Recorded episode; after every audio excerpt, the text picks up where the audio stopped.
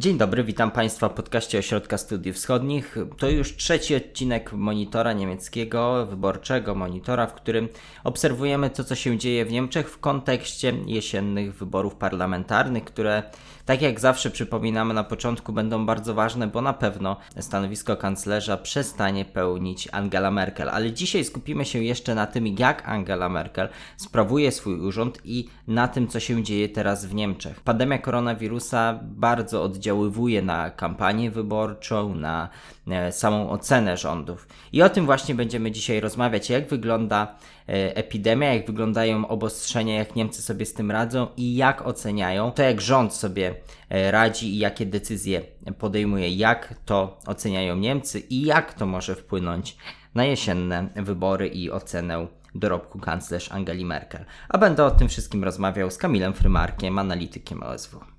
Dzień dobry. To jest podcast Ośrodka Studiów Wschodnich.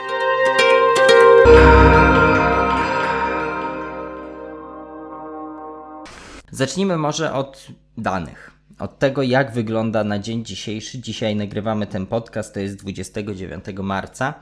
E, jak teraz wygląda, e, wyglądają te liczby odnośnie pandemii? Myślę, że jedną z najciekawszych i najważniejszych liczb w tym momencie, już o której niestety musimy mówić, to jest liczba zajętych respiratorów i łóżek. E, tak, zacznijmy może od tego, że Niemcy znajdują się na początku trzeciej fali pandemii. Ona jest już widoczna przede wszystkim pod względem dynamiki codziennych przyrostów nowych zachorowań i średnio mamy około 20 tysięcy nowych przypadków dziennie. Oczywiście w poniedziałek tych liczb jest troszkę mniej, z weekendu tak to zawsze wynika. Natomiast to się oczywiście przekłada na zajęte łóżka y, na oddziałach intensywnej terapii. W tej chwili to jest około 3,5 tysiąca pacjentów na tych y, oddziałach. Mniej więcej 3,8 tysiąca łóżek zostaje cały czas wolnych, a przypomnijmy, że w tej najwyższej fazie pandemii w drugiej fali zajętych było około 6 tysięcy łóżek. W związku z tym troszkę jeszcze jest jakiś margines do przenoszenia tych pacjentów.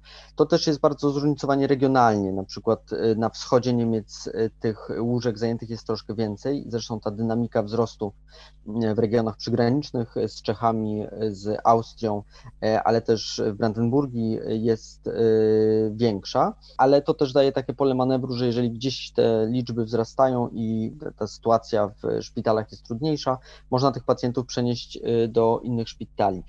Co ważne, y, w Niemczech zanotowano w tym tygodniu 75 y, tysięcy ofiar już od początku pandemii, które zmarły z wirusem COVID-19, ale ta liczba ofiar jest stosunkowo mniejsza w najstarszej grupie y, osób, która jest już częściowo zaszczepiona.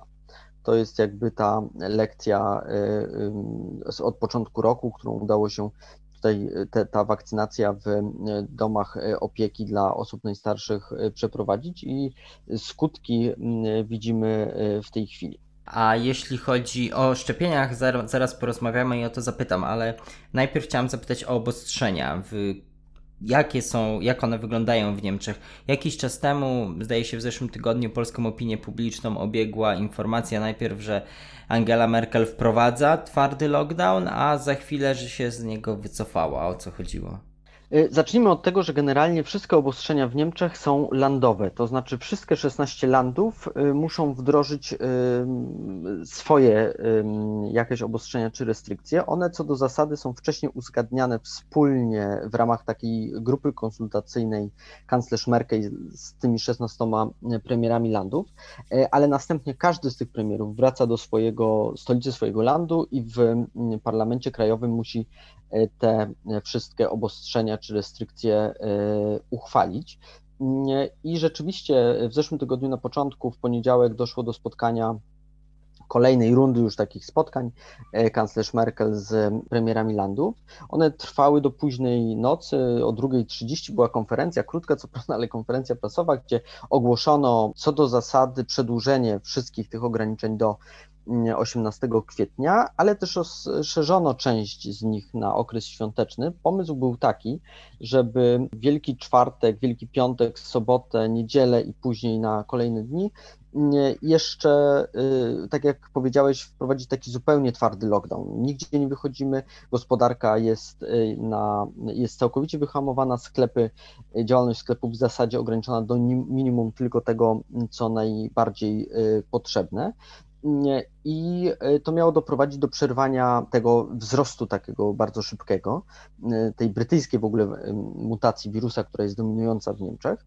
No ale opór zarówno polityków, jak i gospodarki, jak i społeczeństwa był bardzo duży i kanclerz Merkel musiała się w zasadzie dwa dni później wycofywać z tych obostrzeń dotyczących właśnie tego, mm, tych kilku dni w okolicach świąt mm, i e, tych dni wolnych, jak oni to chcieli nazwać, e, nie będzie.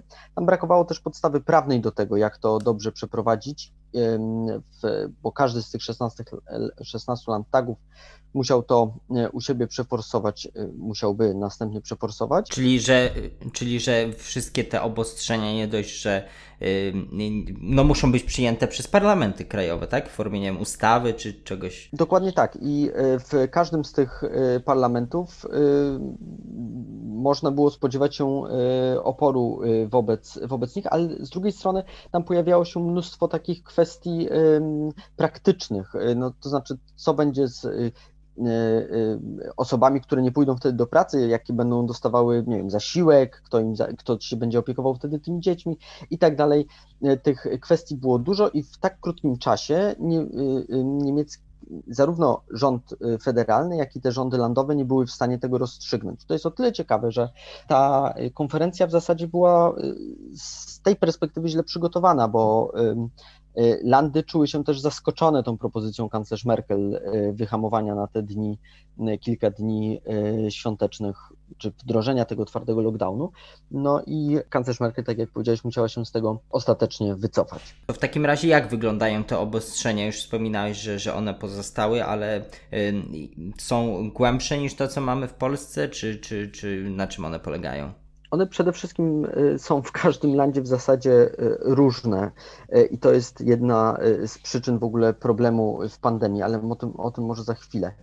No przede wszystkim obowiązek noszenia masek w miejscach, w transporcie publicznym oraz w sklepach. A poza tym w wielu innych miejscach, ale to już jest bardzo szczegółowo uregulowane w każdym landzie osobno. Większość sklepów y, nie funkcjonuje normalnie. Teraz w ogóle mamy taką, taki wskaźnik powyżej 100 zakażeń na 100 tysięcy mieszkańców w ostatnich 7 dniach. To jest taki miernik y, wzrostu zakażeń, który Niemcy stosują i y, powyżej tych 100 zakażeń. Obostrzenia, które w połowie marca zostały troszkę poluzowane, no je cofnięto. Tam na przykład była wtedy możliwość chodzenia do, wiem, do takich zwykłych sklepów jak e, sklep z butami. Wcześniej tego nie było można robić e, przez długi czas od połowy grudnia do połowy marca. W połowie marca w większości landów poluzowano te obostrzenia i teraz znowu e, powinny być cofnięte. I tutaj dochodzimy do punktu najważniejszego. Powinny być cofnięte, bo tak landy kanclerz Merkel z rządem federalnym się umówiły, natomiast nie wszystkie y, samorządy i nie wszystkie landy reagują w ten sam sposób. To znaczy w niektórych one są, w niektórych landach stosuje się jakieś testy, że po wykonaniu testu i wyniku negatywnym można wejść do takiego sklepu i robić y, zakupy. Gdzie indziej na przykład y, był pomysł umawiania się na takie zakupy w ogóle wcześniej, przed przed wejściem do takiego sklepu.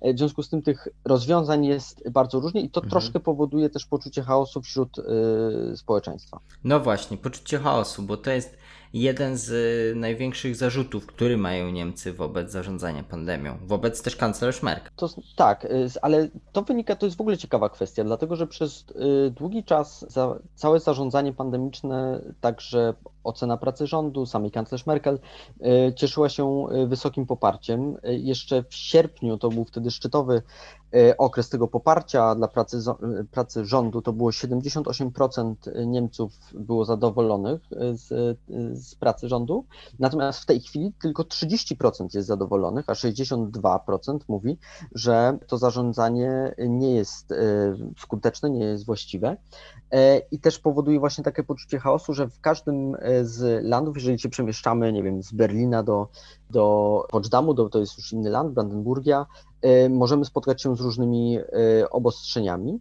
E, I dlatego mm, też jest takie pytanie wśród społeczeństwa, jaka jest strategia, to znaczy jaki jest pomysł na to, żeby do końca szczepień jakoś zarządzać tą pandemią z pozycji rządu, ale też z pozycji tych landów. Czyli Niemcy mają poczucie chaosu, który, które jest, które, yy, które tak oceniają y, pracę rządu i to, tak jak mówisz, że z jednego landu do drugiego się przemieszczają, te obostrzenia są inne, no ale jak oni podchodzą do tego, czy przestrzegają tych obostrzeń, jak na nie reagują? Właśnie, z drugiej strony mamy y, cały czas y, nieustanne w zasadzie poparcie dla tych restrykcji i ono y, wynosi w tej chwili 31% y, Niemców uważa, że one są adekwatne do zaistniałej sytuacji, ale co więcej, 36%, druga grupa, 36% Niemców uważa, że one są zbyt, zbyt słabe, to znaczy należałoby jeszcze bardziej wprowadzić większe restrykcje, zaostrzyć te, które mamy do tej pory, żeby bardziej wyhamować e, rozwój e, pandemii. W związku z tym mamy jakby dwa nurty. Z jednej strony jest oczekiwanie, że będziemy mieli pewną e, jasną wizję, jak te mm, obostrzenia będą wyglądały, ale z drugiej strony nie chodzi wcale o to, żeby one były łagodniejsze, tylko wręcz odwrotnie. Chodzi o to, żeby ten lockdown był bardziej zdecydowany, być może trochę krótszy, bo założenie jest takie, że jeżeli będzie krótszy, to też będzie lepiej dla gospodarki, mm, ale żeby był stanowczy, stanowczy i stosunkowo jednolity, to znaczy, żebyśmy wiedzieli, w jakich ramach y, poruszamy się w całych y, Niemczech. Mhm. I kto jest winiony za tą sytuację? Angela Merkel? Nie, kanclerz Merkel co do zasady raczej nie. Co prawda ten spadek popularności rządu oczywiście też jakoś się odbija na samej kanclerz Merkel, ale y, to dotyczy, co ciekawe, dwóch głównych ministrów chadeckich. Z jednej strony y, siłą rzeczy ministra zdrowia Jęca Szpana, z drugiej strony ministra gospodarki Petra Altmajera.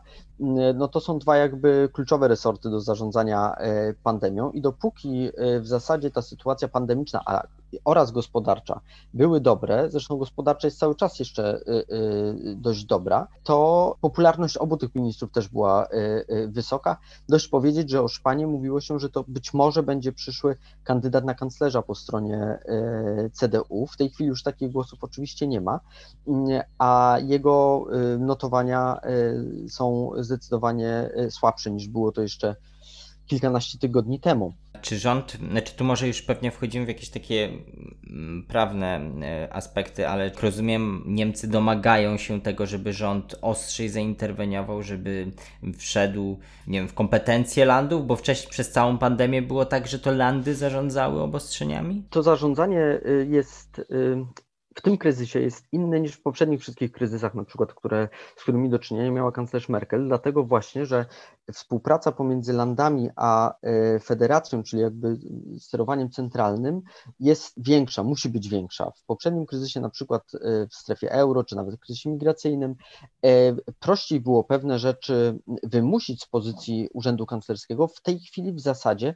w wielu obszarach kanclerz Merkel, czy szerzej patrząc urząd kanclerski, rząd federalny nawet, nie ma takich możliwości. To dotyczy zarówno polityki, szkolnictwa, cała edukacja jest w gestii landów, ale także wielu aspektów gospodarczych, na przykład w jakich landach, które sklepy będą otwarte, które nie, jak długo, to jest mimo wszystko, to są kwestie landowe i tutaj y, rząd federalny nie może narzucić swojej woli, ale chyba najjaskrawiej widać to w przypadku mm, odpowiednika polskich sanepidów, czyli urzędów zdrowia, które jest ich ponad 400 i one wszystkie nie, nie mają y, scentralizowanej struktury, tylko są y, właśnie zdecentralizowane, podlegają mhm. poszczególnym landom.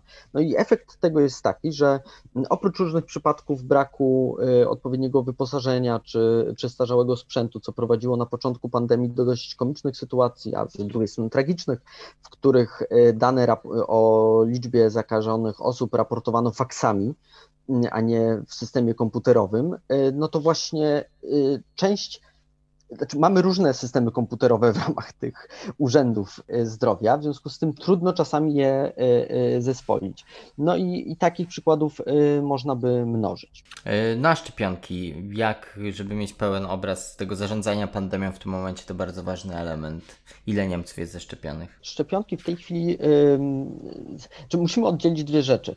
Niemcy zaszczepiły około 9 milionów osób pierwszą dawką z czego 4 miliony około już y, drugą dawką i to jest mniej więcej taka średnia unijna, można powiedzieć. To się zmienia w zależności od tego, jakie dawki, kiedy są raportowane i tak dalej, ale co do zasady są w gronie państw, które podobnie szczepią e, na tle e, Unii Europejskiej. Natomiast ocena akcji szczepień wśród społeczeństwa niemieckiego jest bardzo negatywna i ona wynika z tego, że oczekiwania wobec tej akcji, podobnie jak oczekiwania wobec w ogóle zarządzania pandemicznego, pomocy gospodarczej, były wysokie wobec administracji niemieckiej, wobec niemieckiego państwa, że to będzie postępowało szybciej, sprawniej. Szczególnie na początku to było widać, gdy na przykład część osób osób nie mogła się dodzwonić, wszystkie linie były zablokowane, z mailami też nie było, czy tam y, y, forma y, meldowania się online też nie była taka prosta, szczególnie do osób starszych.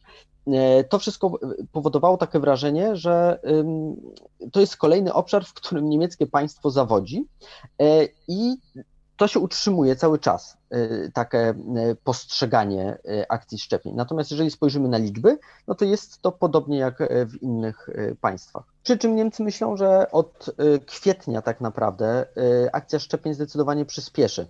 To ma związek oczywiście z zapowiedzią dostaw szczepionki do Niemiec, tak jak do pozostałych państw mm. Unii Europejskiej. Niemcy liczą, że w samym kwietniu przybędzie do nich 15 milionów dawek szczepionki różnych producentów, a w kolejnych miesiącach do, do końca drugiego kwartału 64 miliony. W związku z tym to jest już bardzo, e, znaczy to będzie na tyle duża liczba, że pozwoli na swobodne stosunkowo szczepienie osób. W trzecim kwartale, jeżeli dobrze pamiętam, to jest ponad 120 milionów dawek.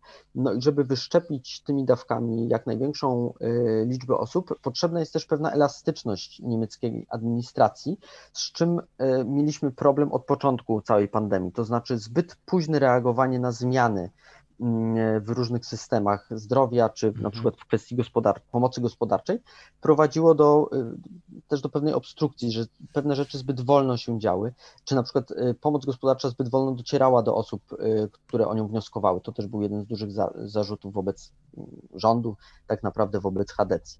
Mhm. No właśnie, i te zarzuty, mm, przejdziemy teraz do takiej no już części politycznej i tego, jak to wpłynie na wybory, które się zbliżają.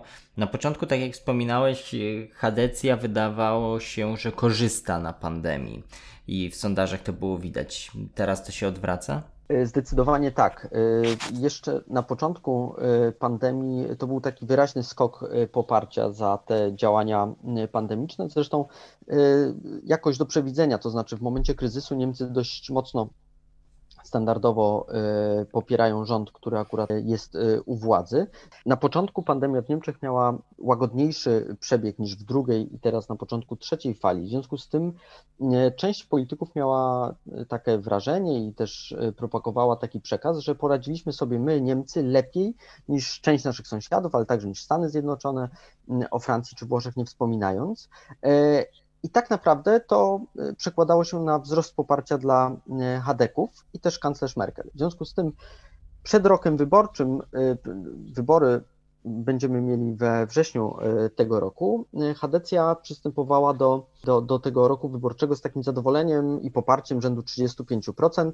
Wydawało się, że to będzie bardzo dobra pozycja wyjściowa, ale odwrócenie tego trendu poparcia dla czy zadowolenia z zarządzania pandemicznego, no prowadził do, doprowadził do y, spadku poparcia też dla Hadeków. E, I w tej chwili ono wynosi około 25%, nawet w niektórych y, sondażach, e, a drudzy zieloni mają 23% poparcia.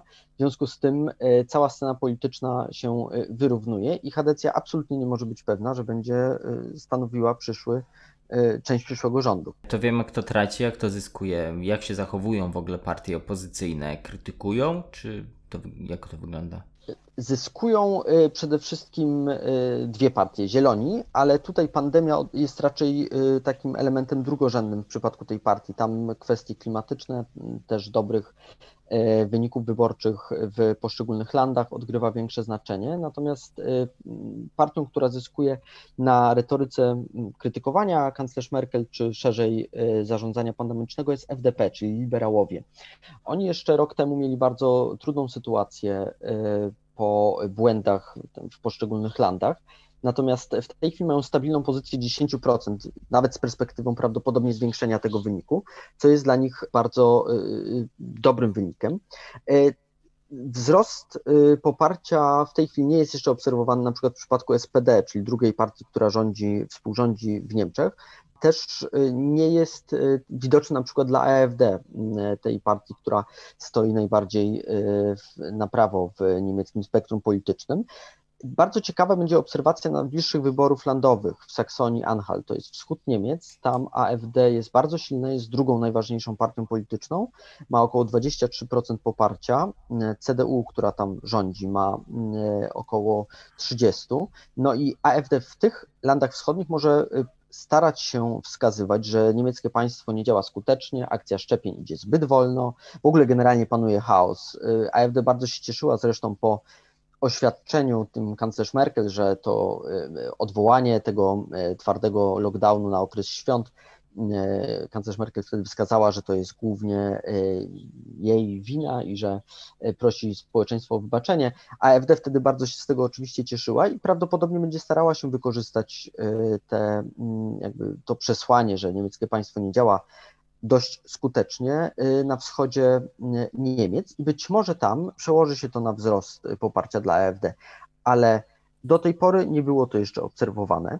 Mhm. Należy jednak zauważyć, że do końca kampanii wyborczej no jest jeszcze bardzo dużo czasu i jeszcze dużo rzeczy może się zmienić. I tak naprawdę główną y, nadzieją Hadeków to jest y, skuteczna akcja szczepień. Jeżeli ona mhm. zostanie przeprowadzona e, dobrze, szybko, sprawnie, no to w takim razie myślę, że wyborcy Hadecji będą w stanie bardzo dużo wybaczyć y, partii kanclerz Merkel i jeszcze raz na nią zagłosują. Mhm. A z jakiej pozycji FDP i AfD krytykują? FDP to są liberałowie, więc czy krytykują to z pozycji wolnościowych, czy właśnie wprost przeciwnie, e, że chcieliby, żeby te restrykcje były większe? FDP ma dość jasny przekaz mówiący o bardziej skonkretyzowanych y, restrykcjach czy obostrzeniach dla konkretnych grup społecznych przy możliwym otwieraniu gospodarki na przykład oraz innych dziedzin y, życia społecznego, część kultury. Tutaj chodzi przede wszystkim o y, skuteczną akcję szczepień, ale już wcześniej, jeszcze w listopadzie na przykład FDP podkreślało konieczność noszenia masek FFP2 dla wszystkich osób w, mm, w domach opieki chociażby, czy testowania bardzo takiego masowego, obowiązkowego w tych y, ośrodkach, co wtedy jeszcze nie było tak powszechne. I część wyborców zobaczyła, że mm, FDP nie krytykuje tak y, całkowicie y, y, polityki niemieckiej w kwestii pandemii, tylko przedstawia również swoje jakieś propozycje. Tam były też takie głosy dotyczące jakichś taksówek dla osób starszych, żeby zawoziły je w miejsca, gdzie, żeby nie korzystały z transportu publicznego, e, albo żeby otworzyć sklepy w specjalnych godzinach dla seniorów, czego nie było w Niemczech. I to podobało się części społeczeństwa. A co za AfD?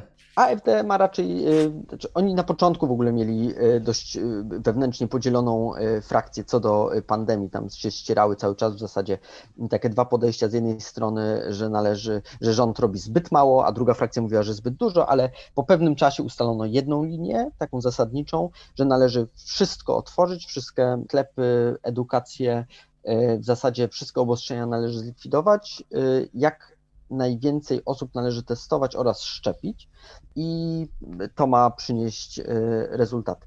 Przy czym e, AfD tutaj kładzie raczej nacisk na to krytykowanie niż wskazywanie jakichś swoich koncepcji i pokazywanie tego, że właśnie niemieckie państwo nie działa tak sprawnie, jak w ich e, opinii powinno. A czyli AfD nie wpisuje się w trend, który się pojawia wśród części bardzo konserwatywnych partii antyszczepionkowych? Znaczy właśnie w AfD pojawiają się bardzo różne ruchy, y, też y, y, antyszczepionkowcy, oni są też obecni na demonstracjach, które w Niemczech są właśnie od dwóch, trzech tygodni znowu bardzo popularne, zaczyna się wiosna, w związku z tym pogoda sprzyja też większej liczbie demonstracji, oni też się tam pojawiają,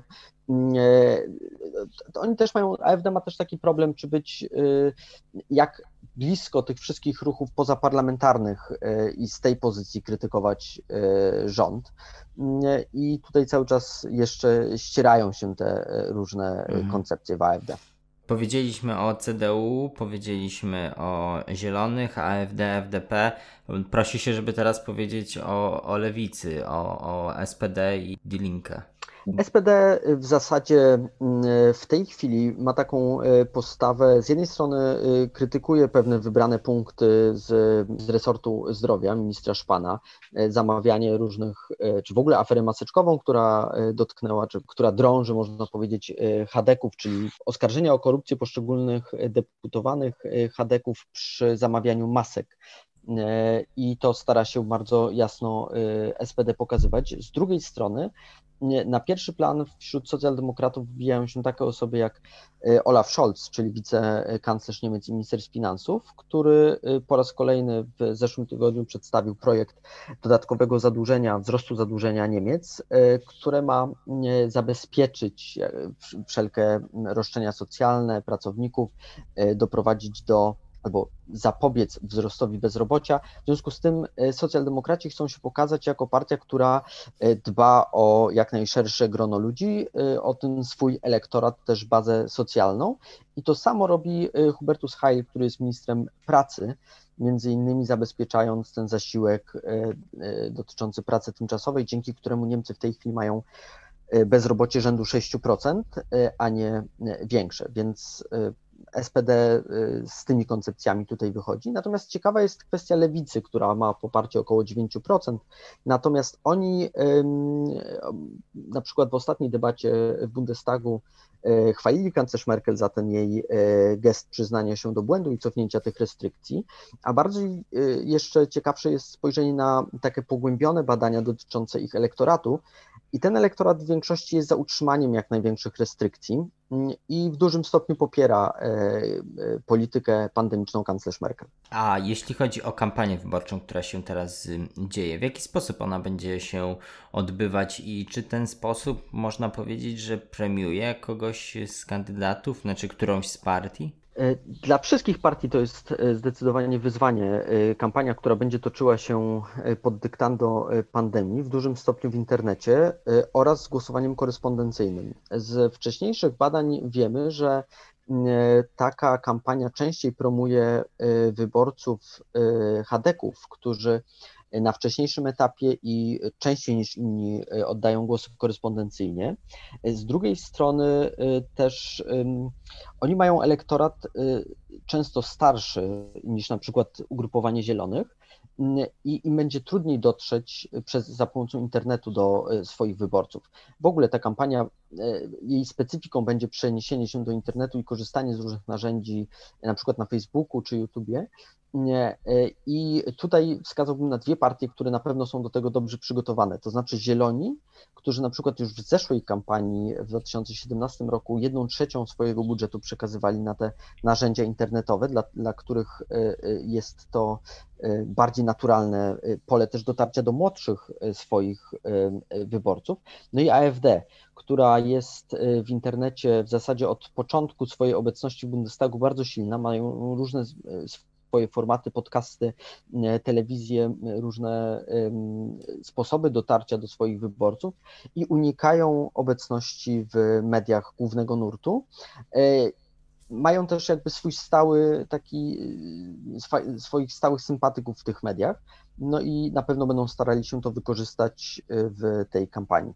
To już kończąc i rozmawiamy o, o wyborach, ale chciałbym, żebyśmy zamykając ten, ten odcinek, e, porozmawiali trochę o szerszej perspektywie, bo pojawia się często taka opinia, że walka z pandemią będzie jednym z ważnych elementów oceny dorobku ustępującej już powoli kanclerz Angeli Merkel. Co o tym sądzisz? Tak, z perspektywy całej spuścizny y, kanclerz Merkel to będzie najważniejszy kryzys, bo jest ostatni i po prostu jak ona będzie potrafiła y, tę y, końcówkę, tą końcówką zarządzać, tak naprawdę będzie to wpływało na ocenę jej całego dorobku. I tutaj w zasadzie trochę wracamy mimo wszystko do początku, to znaczy do akcji szczepień. Jeżeli uda się e, e, kanclerz Merkel dotrzymać tej obietnicy, którą złożyła na początku stycznia, mówiąc, że e, jej zamiarem jest złożenie wszystkim Niemcom oferty zaszczepienia się do końca lata, to jest jeszcze przed wyborami do Bundestagu,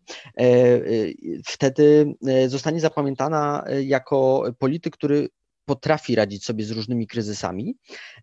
I myślę, że to będzie miało pozytywny e, wpływ również na jej e, dorobek. Natomiast jeżeli e, ta akcja wakcynacji nadal będzie w ocenie Niemców postępowała zbyt wolno do możliwości niemieckiego państwa, wtedy trudniej będzie kanclerz Merkel jakby stawić czoła tym pytaniom, co poszło nie tak, dlaczego ten kryzys nie udał się tak dobrze, nie udało się nim zarządzać tak jak e, poprzednimi kryzysami e, i może wtedy kanclerz Merkel zostać zapamiętana jako ta osoba, która e, w kryzysie pandemicznym po prostu sobie nie poradziła.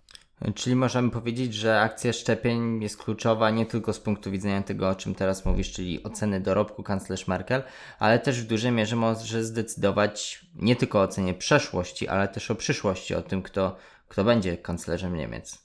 Tak, to będzie miało moim zdaniem decydujący wpływ. E, dodatkowo wchodzimy w decydującą fazę tego, mm, tego elementu, to znaczy kilka, kilkanaście najbliższych tygodni pokaże nam, czy Niemcy będą zdolni do szczepienia zdecydowanie większej liczby osób, jak sprawnie będzie to, e, e, to funkcjonowało.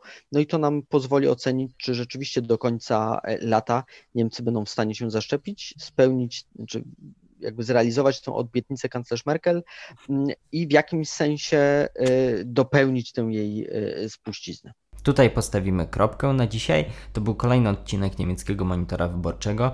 Niemiecki monitor wyborczy dostępny jest także w formie tekstowej. E, wrzucamy go na dole. Link do niego w formacie PDF, który możecie Państwo sobie pobrać, przeczytać także na, na swoich urządzeniach. Tam jest więcej informacji, wykresy, także sondaże, także materiały, które mogą Państwa zainteresować, jeżeli jesteście ciekawi tego, co się w niemieckiej polityce dzieje.